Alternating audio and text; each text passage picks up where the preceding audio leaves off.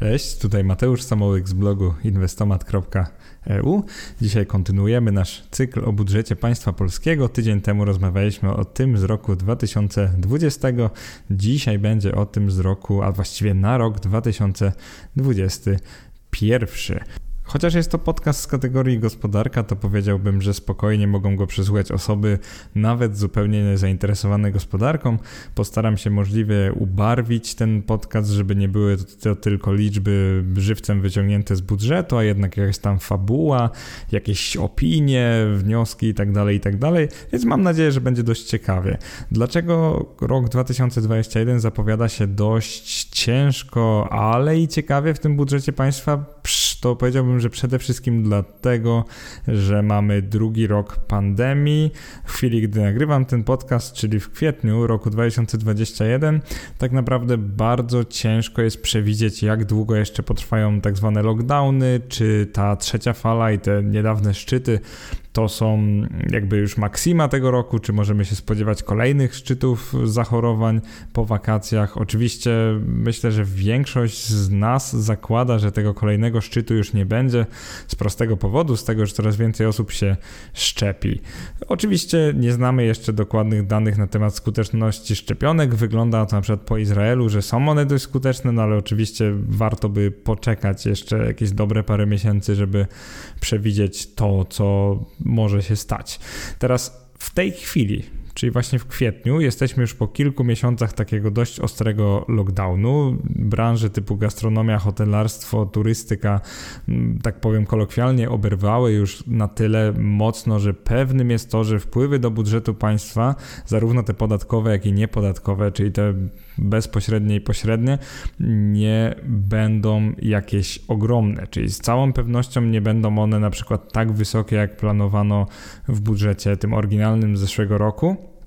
Natomiast to, czego chciałbym zacząć, to to, że y, przypomnę Wam jedną rzecz z poprzedniego podcastu, czyli tego roku 2020. Pomimo pandemii, wpływy do budżetu, które w końcu wyniosły 420 miliardów złotych, były tak naprawdę bliższe oryginalnemu planowi z zeszłego roku, który wynosił 435 miliardów złotych, niż jego październikowej modyfikacji, bo przypomnę, że w październiku 2020 zaszła taka nowelizacja budżetu, która zakładała niecałe 400 miliardów złotych wpływów i taka ciekawostka, rzecz dość niespodziewana, e, była, no, polegała na tym, że wpływy były bliższe oryginalnemu planowi, czyli temu jeszcze przed e, całą epidemią, tak naprawdę przed tym, jak ogłoszono, że e, SARS-CoV-2 wywołał pandemię na świecie, a raczej przenosi się w sposób pandemiczny, a nie tylko epidemiczny, czyli lokalny, co według mnie świadczy o ukrytej, takiej niespodziewanej sile polskiej gospodarki, ponieważ pomimo tych lockdownów mimo wszystko bardzo sporo firm i osób płaci podatki, zasilając centralny budżet naszego kraju. Natomiast, to podkreślę zwłaszcza w drugiej części tego podcastu, mamy duży problem z długiem publicznym. Oczywiście wiem, że wielu ekspertów mówi, że dalej jesteśmy mniej zadłużeni w stosunku do PKB niż niektóre kraje, zwłaszcza południowej i zachodniej Europy, co nie zmienia faktu, że niesamowicie mocno powiększyliśmy dług publiczny w roku 2020 2020. Jeżeli chcesz wiedzieć dokładnie, co mam na myśli, no to w 2020 zaczynaliśmy od długu publicznego w wysokości biliona 40 miliardów złotych, czyli po prostu 1040 miliardów złotych. I wyobraźcie sobie, że w roku ubiegłym, czyli 2020, powiększyliśmy tą liczbę do, uwaga, uwaga, biliona 420 miliardów złotych około. To są na razie liczby szacunkowe, więc to się może lekko zmienić, no ale to, co chcę powiedzieć, to to, że tak jak zwykle zadłużaliśmy się w tempie 30 do 50 miliardów złotych rocznie, to w zeszłym roku zadłużyliśmy się o 340 miliardów złotych. I teraz sytuacja wygląda na tyle drastycznie, lockdowny kosztują nas na tyle dużo, że w tym roku jest szansa, że zadłużymy się o kolejne 200 do nawet 250 miliardów złotych. Mam na myśli nasze finanse publiczne. Czyli z biliona zrobimy prawie 1,6 biliona, może nawet 1,7 w ciągu dwóch lat. Także na takim rysie chciałbym oprzeć ten podcast i w ten sposób chciałbym go zacząć, że sytuacja e, tego długu publicznego, budżetu państwa i deficytu, który rośnie no, no niesamowicie szybko, jest e, krytyczna. I jak to działa? Tak samo jak w gospodarstwie domowym. Jeżeli państwo ma wysoki dług, wysokie zadłużenie, to oczywiście musi go spłacać. Ten dług ma roczne koszty. One jakby wynikają z dwóch rzeczy. Pierwsza to są stopy procentowe naszej waluty, a druga to są Mm, to jest po prostu zaufanie do naszego państwa, nazwijmy to, że na tyle, jeżeli państwo jest stabilne, ma tak zwany wysoki rating kredytowy, to oczywiście jego dług jest tańszy. Więc zakładając, że to zaufanie będzie wysokie i stopy procentowe dalej będą niskie, to faktycznie mamy dług prawie za darmo. Ale na samym końcu podcastu zrobię taką małą symulację. Pozwolę sobie zasymulować, ile może kosztować nas rocznie budżet państwa i ten, to zadłużenie budżetu. No i się okaże, że może w takim okresie kilkuletnim wynosić tak dużo, żebyśmy na przykład za to mogli zbudować e, jedną czy dwie elektrownie atomowe lub e, rozdać e, nie wiem, 500 plus, powiększyć dwu czy nawet trzykrotnie. Także pewnie się zdziwicie, jak wysoka może być taka obsługa długu. Jak będzie podzielony ten podcast? Bardzo prosto. Będzie miał dwie części. Pierwsza część to będzie planowany kształt budżetu na 2021 rok. Tutaj będą planowane wpływy, różnice pomiędzy rokiem obecnym a rokiem ubiegłym, e, wpływy z uwzględnieniem samorządów, czyli tak całościowo podejdziemy do podatków i tego, ile ze wszystkich podatków wpływa pieniędzy do kasy państwa, ale też do kasy samorządu, żebyśmy zaczęli całościowo, ile Polska ma z jakiego podatku w tym roku. Następnie będą planowane wydatki budżetu, no i to samo. Różnice między rokiem 2021 a 2020. Następnie ta druga część, o której mówiłem, e, ja ją tak krzykliwie nazwałem, co z tarczami antykryzysowymi 2021 postanowiłem tak oszacować możliwe koszty walki z pandemią w roku 2021. Oczywiście będziemy bazować na roku ubiegłym, będziemy bazować na pewnych przewidywaniach e, rozwoju pandemii COVID oraz tej epidemii lokalnie tu w Polsce i pomyślimy sobie, jak plan budżetu 2021 zwiększy polski dług publiczny, ale też jak koszty walki właśnie z pandemią mogą się dołożyć do tego długu publicznego, który, jak już powiedziałem, jest już bardzo rozbuchany i staje się naprawdę wysoki. No i na samym końcu podcastu opowiemy też o tym, jak dług publiczny ma się do naszego PKB. Zauważcie, że dług publiczny do PKB to jest ta podstawowa miara ekonomiczna zadłużenia państwa, czyli tak jakby tyle, ile państwo jest zadłużone łącznie, wobec tego, co państwo, czyli wszyscy jego obywatele łącznie kreują w ciągu roku. No i sprawdzimy, jak ten współczynnik, wskaźnik zmieniał się w ciągu ostatnich lat. Zacznijmy od kształtu budżetu na 2021 rok. Przede wszystkim jesteśmy w bardzo wyjątkowej sytuacji ponieważ yy, z jednej strony mamy dużo niższe wpływy niż planowaliśmy jeszcze rok wcześniej. No i to jest dość proste. Dlaczego? Wiadomo już, że lockdowny będą. Nawet na starcie, na początku tego roku pewne firmy były pozamykane, więc wiadomo, że nie wszystkie firmy będą płacić CIT, nie za wszystkich pracowników będzie PIT pełnej wysokości, nie mówiąc już o składkach do ZUS-u. Są tak zwane postojówki. Takie osoby są często zwolnione ze składek ZUS. Wielu przedsiębiorców jest i to działa w ten sposób, że skoro te osoby są zwolnione ze składek ZUS, a obecnym emerytom trzeba wypłacić świadczenia emerytalne i oczywiście rencistom rentowe e, oraz rolnikom te emerytury z KRUS-u, no to jak się pewnie domyślacie, te pieniądze trzeba gdzieś znaleźć. I skoro zwykle to było tak, że pieniądze dla emerytów szły głównie ze składek na ZUS właśnie, ale nie tylko, bo również z podatków, no to skoro składki na ZUS są niższe, no to musimy skądś wziąć pieniądze e, na bieżące emerytury, no więc skąd je bierzemy? Z podatków. A skoro z podatków, czyli z budżetu centralnego państwa, więc nie zdziwcie się, że będziemy przewidywać mniejsze wpływy, natomiast wydatki będą nieco, nieco wyższe, tak naprawdę dużo wyższe niż rok wcześniej. Więc podstawowe założenie jest takie, że skoro przeżyliśmy już jeden pandemiczny rok, pełen lockdownów, to co może być lepszym prognostykiem dotyczącym wpływów do budżetu niż bliźniaczy rok ubiegły. Więc nam wszystkim chciałbym przede wszystkim życzyć, żeby w 2021 te lockdowny naszej gospodarki trwały krócej niż w roku ubiegłym i żeby było ich mniej, najlepiej znacznie mniej niż w zeszłym roku. Ale jak na razie zapowiada się na to, że rok 2021 będzie bardzo podobny do 2020. Więc zacznijmy od planowanych wpływów do budżetu 2021. Z, je, z jednej strony w, w, tym planie wpływów mamy bliźniaczo podobną wartość do tego znowelizowanego budżetu z zeszłego roku, czyli tego już po wybuchu pandemii, który nasi włodarze, nasi rządzący pozmieniali, żeby właśnie ukazać, że wpływy będą niższe pierwszych czterech miesiącach 2021 roku, czyli roku obecnego, mieliśmy do czynienia z bardzo głębokim lockdownem gospodarki, który sam w sobie w swojej długości był podobny z całkowitym okresem lockdownu w roku ubiegłym. No, pewnie hotelarze się ze mną nie zgodzą, bo to było parę miesięcy więcej w zeszłym roku, ale rozumiem przez to to, że gdybym ja pisał ustawę budżetową na rok 2021 i widziałbym, że już na jego początku mamy lockdown, no to pewnie byłbym raczej pesymistyczny niż optymistyczny. Więc powiedziałbym, że to, co jest założone w budżecie, te 400 kilka miliardów złotych wpływów, może być dla mnie niezbyt realistyczne. Oczywiście ciężko jest to przewidzieć, może nasza gospodarka jest silniejsza niż mi się wydaje, niemniej jestem tutaj trochę sceptyczny. Jeżeli chodzi o strukturę wpływów, myślę, że jest ona podobna do lat poprzednich, właściwie do każdego z ostatnich pięciu lat. Niektórzy zobaczyliby, że jest ona wręcz bliźniacza do roku 2019, czyli tego jeszcze sprzed pandemii. Pod względem planu wpływów e, świetnie zadziała stwierdzenie, że cofnęliśmy się o dwa lata, gdyż ich łączna wysokość i struktura właśnie do złudzenia przypomina te z roku 2019. Niestety znacznie wyższe niż w roku 2019 okazują się wydatki naszego budżetu, które bez uwzględnienia tarcz antykryzysowych wynoszą w planie na 2021 rok prawie 490 miliardów złotych. Czyli to jest niemal tak samo dużo jak w tej ostatniej ustawie na rok 2020, tam było akurat 505 miliardów złotych. Jeżeli chodzi o różnicę między rokiem 2021 a 2020, no główną różnicą jest to, że na przykład państwowe spółki, o ile w zeszłym roku nie wypłacały raczej dywidend, więc zakładaliśmy, że będą bardzo niskie, to już w roku 2021 pewne spółki będą mogły płacić dywidendy, także już zakładamy, że będą pewne wpływy z dywidend.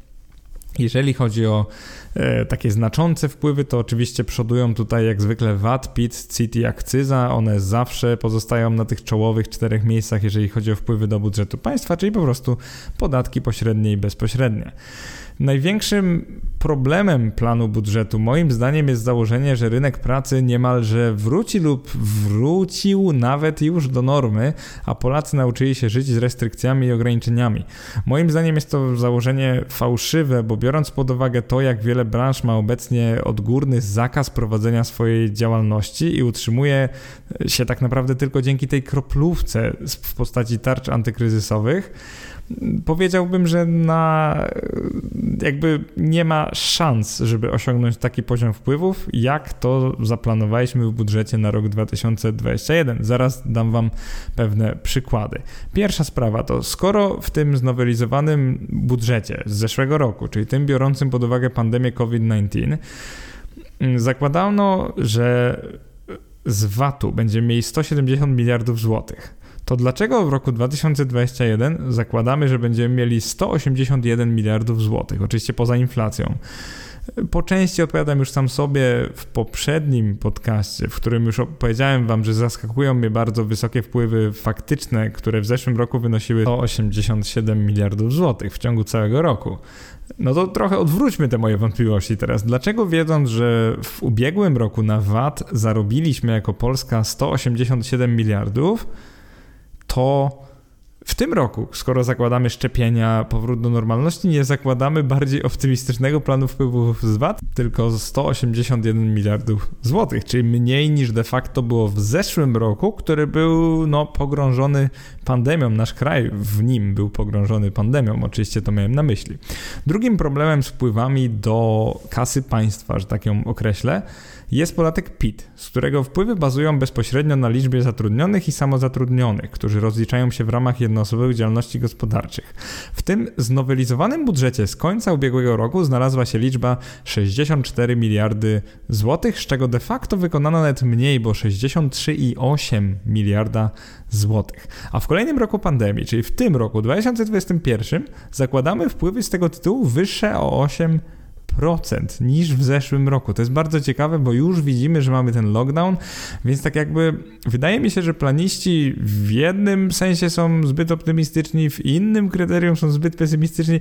Ciężko mi powiedzieć, na czym do końca bazują ich modele, gdy określają te wpływy z podatków, no ale oczywiście ja jestem pojedynczym hobbystą, jestem tylko pasjonatem rynków finansowych oraz analizowania budżetu państwa. Powiedzmy, że tyle, co umiem przeczytać tą ustawę, ona nie jest taka prosta, bo tych załączników ma tam chyba 80 kilka, ale no jakoś ciężko mi jest znaleźć logiczne powody, dla których akurat zakładamy takie, a nie inne liczby.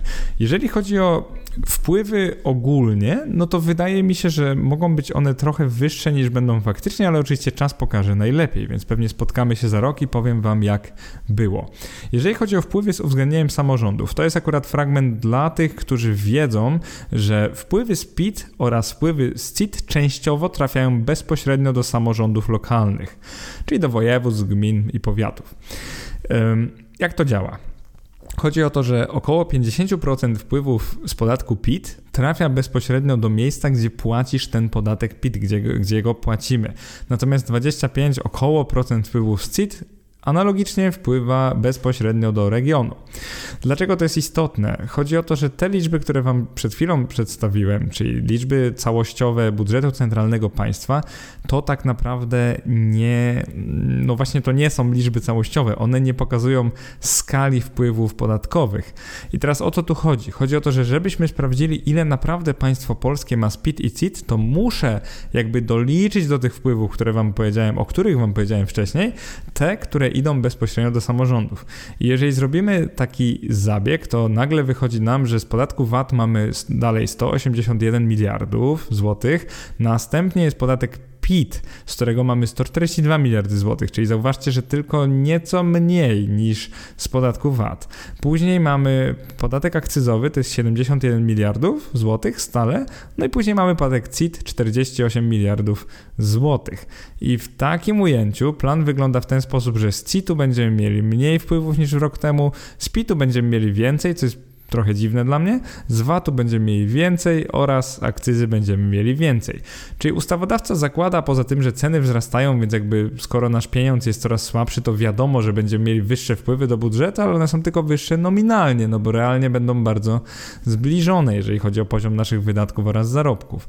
Natomiast jeżeli chodzi o te różnice, to dla mnie właśnie dziwaczne jest to, że zakładamy e, dużo lepszą koniunkturę niż w roku ubiegłym, czyli gdzieś tam już to wyjście z pandemii, ale jednak nie takie z przytupem, czyli to jest takie powolne wychodzenie i mniej więcej tak bym skwitował mm, tak ostatecznie wpływy do budżetu państwa. Teraz kiedyś nagrałem taki podcast, który nazywał się Czy w Polsce można zlikwidować podatek dochodowy PIT? I przyznam, że w obecnej sytuacji wydaje mi się, że nie można, bo skoro z VAT-u zarabiamy 181 miliardów złotych, mam na myśli nasze państwo zarabia, a z PIT-u 142 miliardy złotych łącznie, no to gdybyśmy ten PIT zdjęli, no to Polacy nawet jakby wydali wszystko, no to VAT-em i akcyzą trafiłoby do budżetu państwa jakieś 25% tego, tych wpływów wpływów, czyli jakby państwo nie zarobiłoby wtedy na PIT 142 miliardy, tylko jakąś jedną czwartą tej kwoty i to przy założeniu, że wszystko byśmy po prostu przejedli, wydali. A mam nadzieję, że niektórzy Polacy inwestują i wtedy akurat to by już się nie zwróciło w PIT, tylko ewentualnie w podatku belki po paru latach. To, co chcę powiedzieć, to to, że taki postulat, że podatek PIT można w Polsce zlikwidować, jest trochę fałszywy. Natomiast postulat, że podatek PIT można obniżyć albo kwotę wolną od podatku uczynić wyższą, no to jak najbardziej. To, ale to już jest zupełnie co innego. Wracamy do tematu, czyli do planowanych wydatków budżetu 2021. Tutaj jest jeszcze ciekawiej, bo reguła budżetowa, zwłaszcza w Polsce, głosi, że wydać należy wszystko, co zostało zaplanowane. Myślę, że urzędnicy biorą trochę zbyt serio to, że w budżecie są zaplanowane konkretne liczby i czasami mi się wydaje, że skoro w budżecie planujemy, na przykład tak jak w zeszłym roku 508 miliardów złotych wydatków, no to musimy to wydać i wydajemy na przykład 505, czyli prawie tyle, ile było w ustawie budżetowej.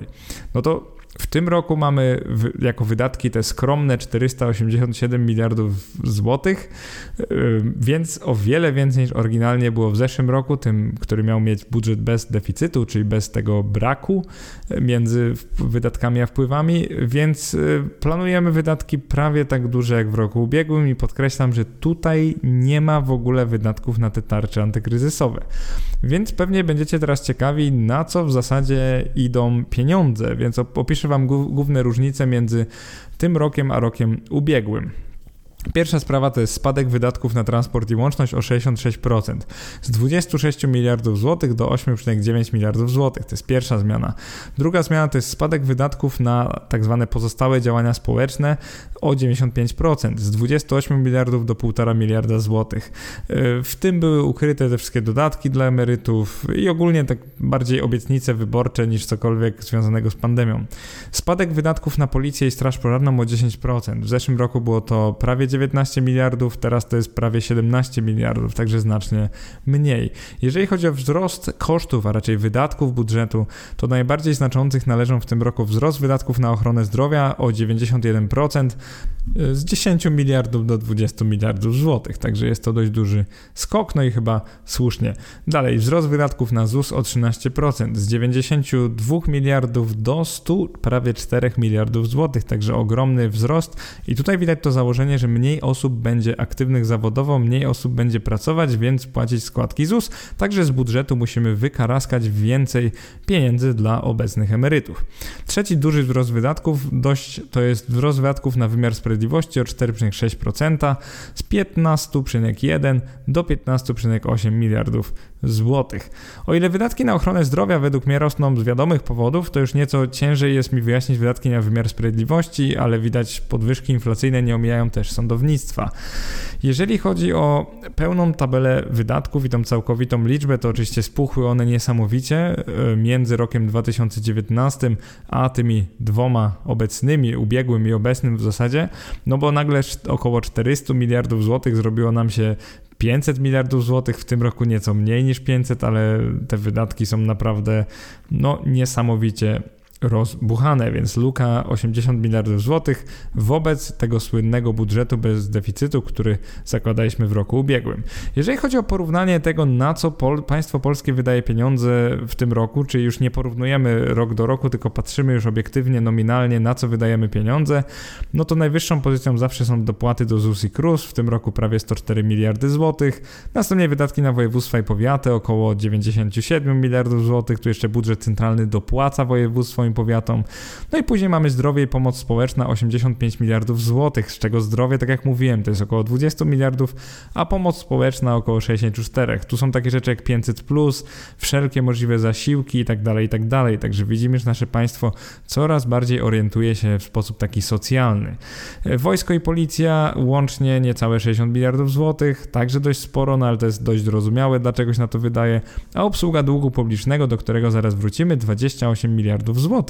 Powiedziałbym, że to jest dość sporo, biorąc pod uwagę to, że Dług jest coraz większy, a stopy procentowe coraz niższe. Tutaj się po prostu obawiam, że jak tylko te stopy pójdą do góry, albo nasze państwo straci trochę ratingu kredytowego, na siłą rzeczy straci, bo mając coraz wyższy dług, a PKB niekoniecznie galopujące, będziemy tracić taką wiarygodność w oczach um, inwestorów w nasz dług, czyli po prostu tych, którzy ewentualnie mieliby Polsce pożyczyć pieniądze. Niezależnie, czy to są rodzimi inwestorzy, czy zagraniczni, no to oczywiście będą oni takim mniej przychylnym okiem patrzeć na nasz dług. Jeżeli chodzi o koszty tarcz antykryzysowych, i tutaj płynnie przejdę do drugiej części podcastu, to one nie są ujęte w budżecie państwa, a przynajmniej większość z nich nie jest ujęta. Według pani minister rodziny i polityki społecznej, czyli pani Marleny Malong, dotychczas, czyli od marca 2020 roku do kwietnia 2021 roku, prawie że, ale bez kwietnia, w ramach wszystkich tarcz antykryzysowych do polskich przedsiębiorców trafiło około 200 miliardów złotych. Wydatki na nie, tak jak mówiłem, mówiłem, nie są jednak ujęte w budżecie, a bardzo często w funduszu PFR oraz w kilku innych instytucjach rządowych, które emitują swoje obligacje. Ja jako taki niezależny i w sumie amatorski analityk, który często czuję się bardziej jak detektyw. Mnie interesuje to, ile łącznie zadłużyło się państwo polskie, a nie to, czy czy zadłuża się poprzez PFR, czy poprzez budżet centralny, czy przez NBP, czy przez jakąkolwiek inną instytucję rządową lub quasi e, rządową, bo tak jak wam mówiłem, no co z tego, jak nazwiemy instytucję, że powiemy, że na przykład wyobraźcie sobie, że mając firmę, mielibyśmy kilka działów i powiedzielibyśmy, że dział A się zadłużył na miliard, a dział B na 5 miliardów, ale to jest pozytywne, bo dział A możesz płacić swój miliard. I nikt by nie patrzył na to, że łącznie firma jest zadłużona na 6 miliardów. Właśnie o to mi chodzi, że jako obywatele może nie do końca powinniśmy patrzeć na ten budżet centralny, tylko powinniśmy wiedzieć, ile łącznie zadłużone są nasze wszystkie instytucje rządowe. E, jak najlepiej będzie nam przewidzieć to, jakie będą, jak wysokie będą koszty walki z pandemią w roku 2021? Powiedziałbym, że najłatwiej będzie sprawdzić te z zeszłego roku, czyli z 2020. E, kiedyś napisałem taki wpis o nazwie Skąd rząd weźmie pieniądze na tarczę antykryzysową, do niego dograłem też chyba podcast. Napisałem, że po podczas, no to było gdzieś podczas pierwszej fali pandemii koronawirusa, miałem, wystawiłem taką tezę na bazie różnych stron internetowych, że wydatki na tarcze antykryzysowe łącznie wyniosą budżet około 320 miliardów złotych w roku właśnie ubiegłym. No i tutaj wyszło, że nie myliłem się tak dużo, bo deficyt sektora publicznego wzrósł w roku 2020 o niemal 340 miliardów złotych. Oczywiście deficyt mam na myśli, że tyle wynosił deficyt roczny, natomiast dług publiczny łącznie 340 miliardów złotych wzrósł bardzo dużo. Jeżeli chodzi o to gdzie jest ukryty ten dodatkowy dług, no to przykładowo w zeszłym roku w trzech kwartałach, kwartale drugim, trzecim i czwartym, zadłużenie Krajowego Funduszu Drogowego wzrosło, wzrosło o prawie miliard złotych, zadłużenie BGK, czyli Banku Gospodarstwa Krajowego, e, wzrosło o 42,5 miliarda złotych, następnie emisje obligacji przez PFR, czyli Polski Fundusz Rozwoju, na sfinansowanie tarczy finansowej wzrosło o 62 miliardów złotych i tak dalej, i tak dalej. To jest tak naprawdę poukrywane w wielu instytucjach, no ale można powiedzieć, że Skarb Państwa się łącznie o tyle zadłużył. No i teraz jak to wygląda całościowo? Jakbyśmy zaczęli sobie ostatnie lata, to przeciętnie państwo polskie, tak jak wam mówiłem wcześniej, zadłużało się o jakieś, powiedziałbym około 50 miliardów złotych. To było takie przeciętny wzrost zadłużenia w ciągu roku. Ostatnie, dajmy na to 20 lat. Jeżeli weźmiemy zeszły rok, no to zamiast 50 mamy tu 365 miliardów tak naprawdę między 315 a 360. Ciężko mi jest to teraz powiedzieć, bo jeszcze brakuje danych. W tym roku sama ustawa budżetowa głosi, że będziemy mieli deficyt 82 miliardy złotych, jeszcze bez tych tarcz antykryzysowych. No jeżeli liczymy, że ten rok będzie trochę lepszy niż ubiegły, to powiedziałbym, że nasz deficyt, nasz dług publiczny może w tym roku wzrosnąć o jakieś 200 miliardów złotych. No i teraz co to znaczy? Znaczy to mniej więcej tyle, że jakby to prosto wytłumaczyć. Obecny dług publiczny wynosi 1,4 biliona złotych, a więc 1400 miliardów. Koszt obsługi tego długu wynosi niecałe 2% rocznie, więc w budżecie na 2021 rok jest na niego przeznaczone 28 miliardów złotych.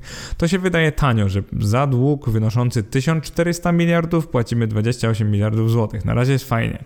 Jeżeli koszt obsługi długu wzrósłby do 3%, no bo tyle wynosił jeszcze w roku 2016, to roczne koszty wyniosłyby nie 28 miliardów złotych, a aż 42 miliardy złotych.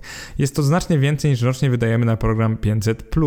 Ale to jeszcze nie wszystko, bo dług publiczny w roku 2021 na pewno znacznie się zwiększy, więc ten, mm, e, jakby to powiedzieć, nominał długu będzie wyższy, więc jakie by nie było odsetki, będziemy za niego rocznie płacić więcej. No i teraz załóżmy jakiś taki scenariusz bardzo negatywny. Załóżmy wzrost zadłużenia sektora finansów publicznych Polski do 1,6 biliona złotych, czyli 1600 miliardów złotych, a wzrost kosztów obsługi długu do 3%, czyli tyle, ile jeszcze płaciliśmy kilka lat temu. Polska będzie spłacała odsetki wynoszące 48 miliardów złotych rocznie. Byłoby to obecnie 1 ósma wszystkich wpływów do budżetu centralnego naszego państwa. Wyobraźcie sobie, że jedną ósmą wpływów byśmy konsumowali na obsługę długu.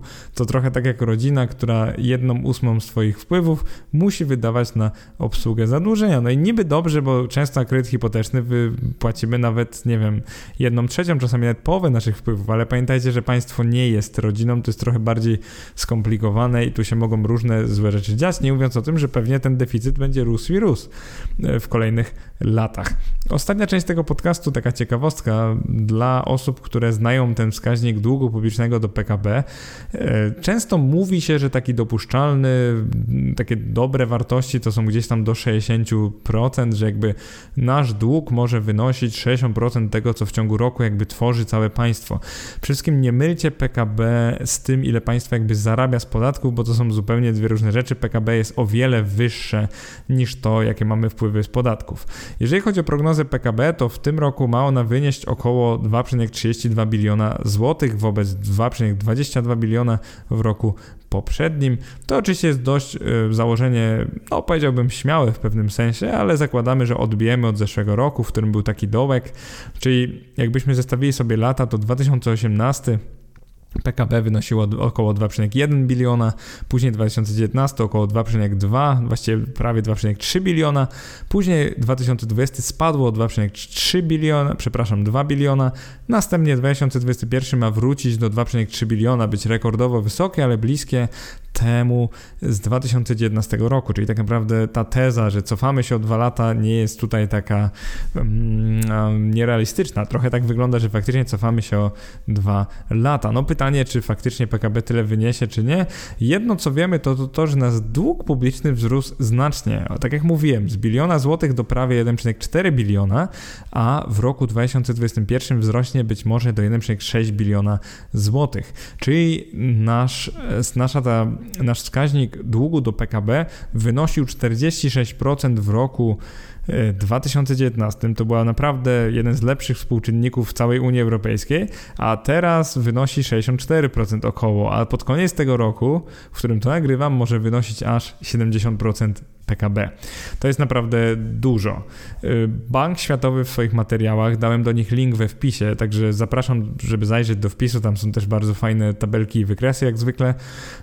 Bank Światowy głosi, że jeżeli w danym państwie dług publiczny do PKB przekroczy 77%, to statystycznie takie państwa mają problem z dalszym rozwojem gospodarki, czyli jakby za dużo wydają na obsługę długu względem tego, co mogłyby, że tak to nazwę, znowu kolokwialnie, pompować z powrotem do gospodarki gospodarki.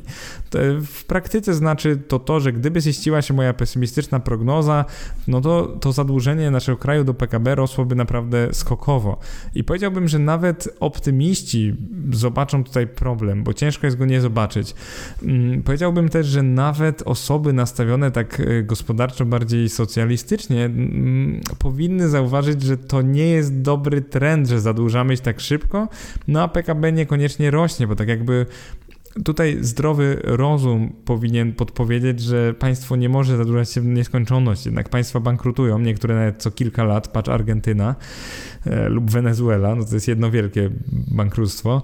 E, z tego powodu uważam, że no, czy powinniśmy się martwić? No, są w Unii Europejskiej kraje, które są bardziej zadłużone i mają gorsze perspektywy, chociażby Portugalia, Włochy czy Hiszpania nie wyglądają tak dobrze, jeżeli chodzi o ten dług publiczny. No, z całą pewnością my powinniśmy się martwić.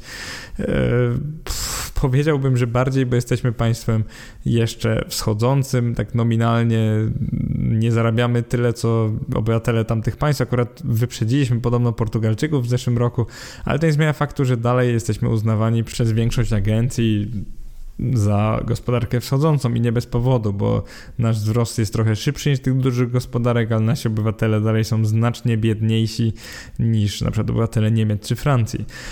Więc e, co bym tutaj sugerował? No z całą pewnością sugerowałbym mm, rządzącym, żeby skupili się trochę na tym, żeby dług publiczny przestał wreszcie rosnąć, żeby te wydatki tak nie rosły. Ja rozumiem, że trzeba jakoś wygrać wybory i obiecać coś ludziom, zwłaszcza tym biedniejszym, natomiast to jest czysty populizm, że będzie się dało to utrzymać przez wiele, wiele lat.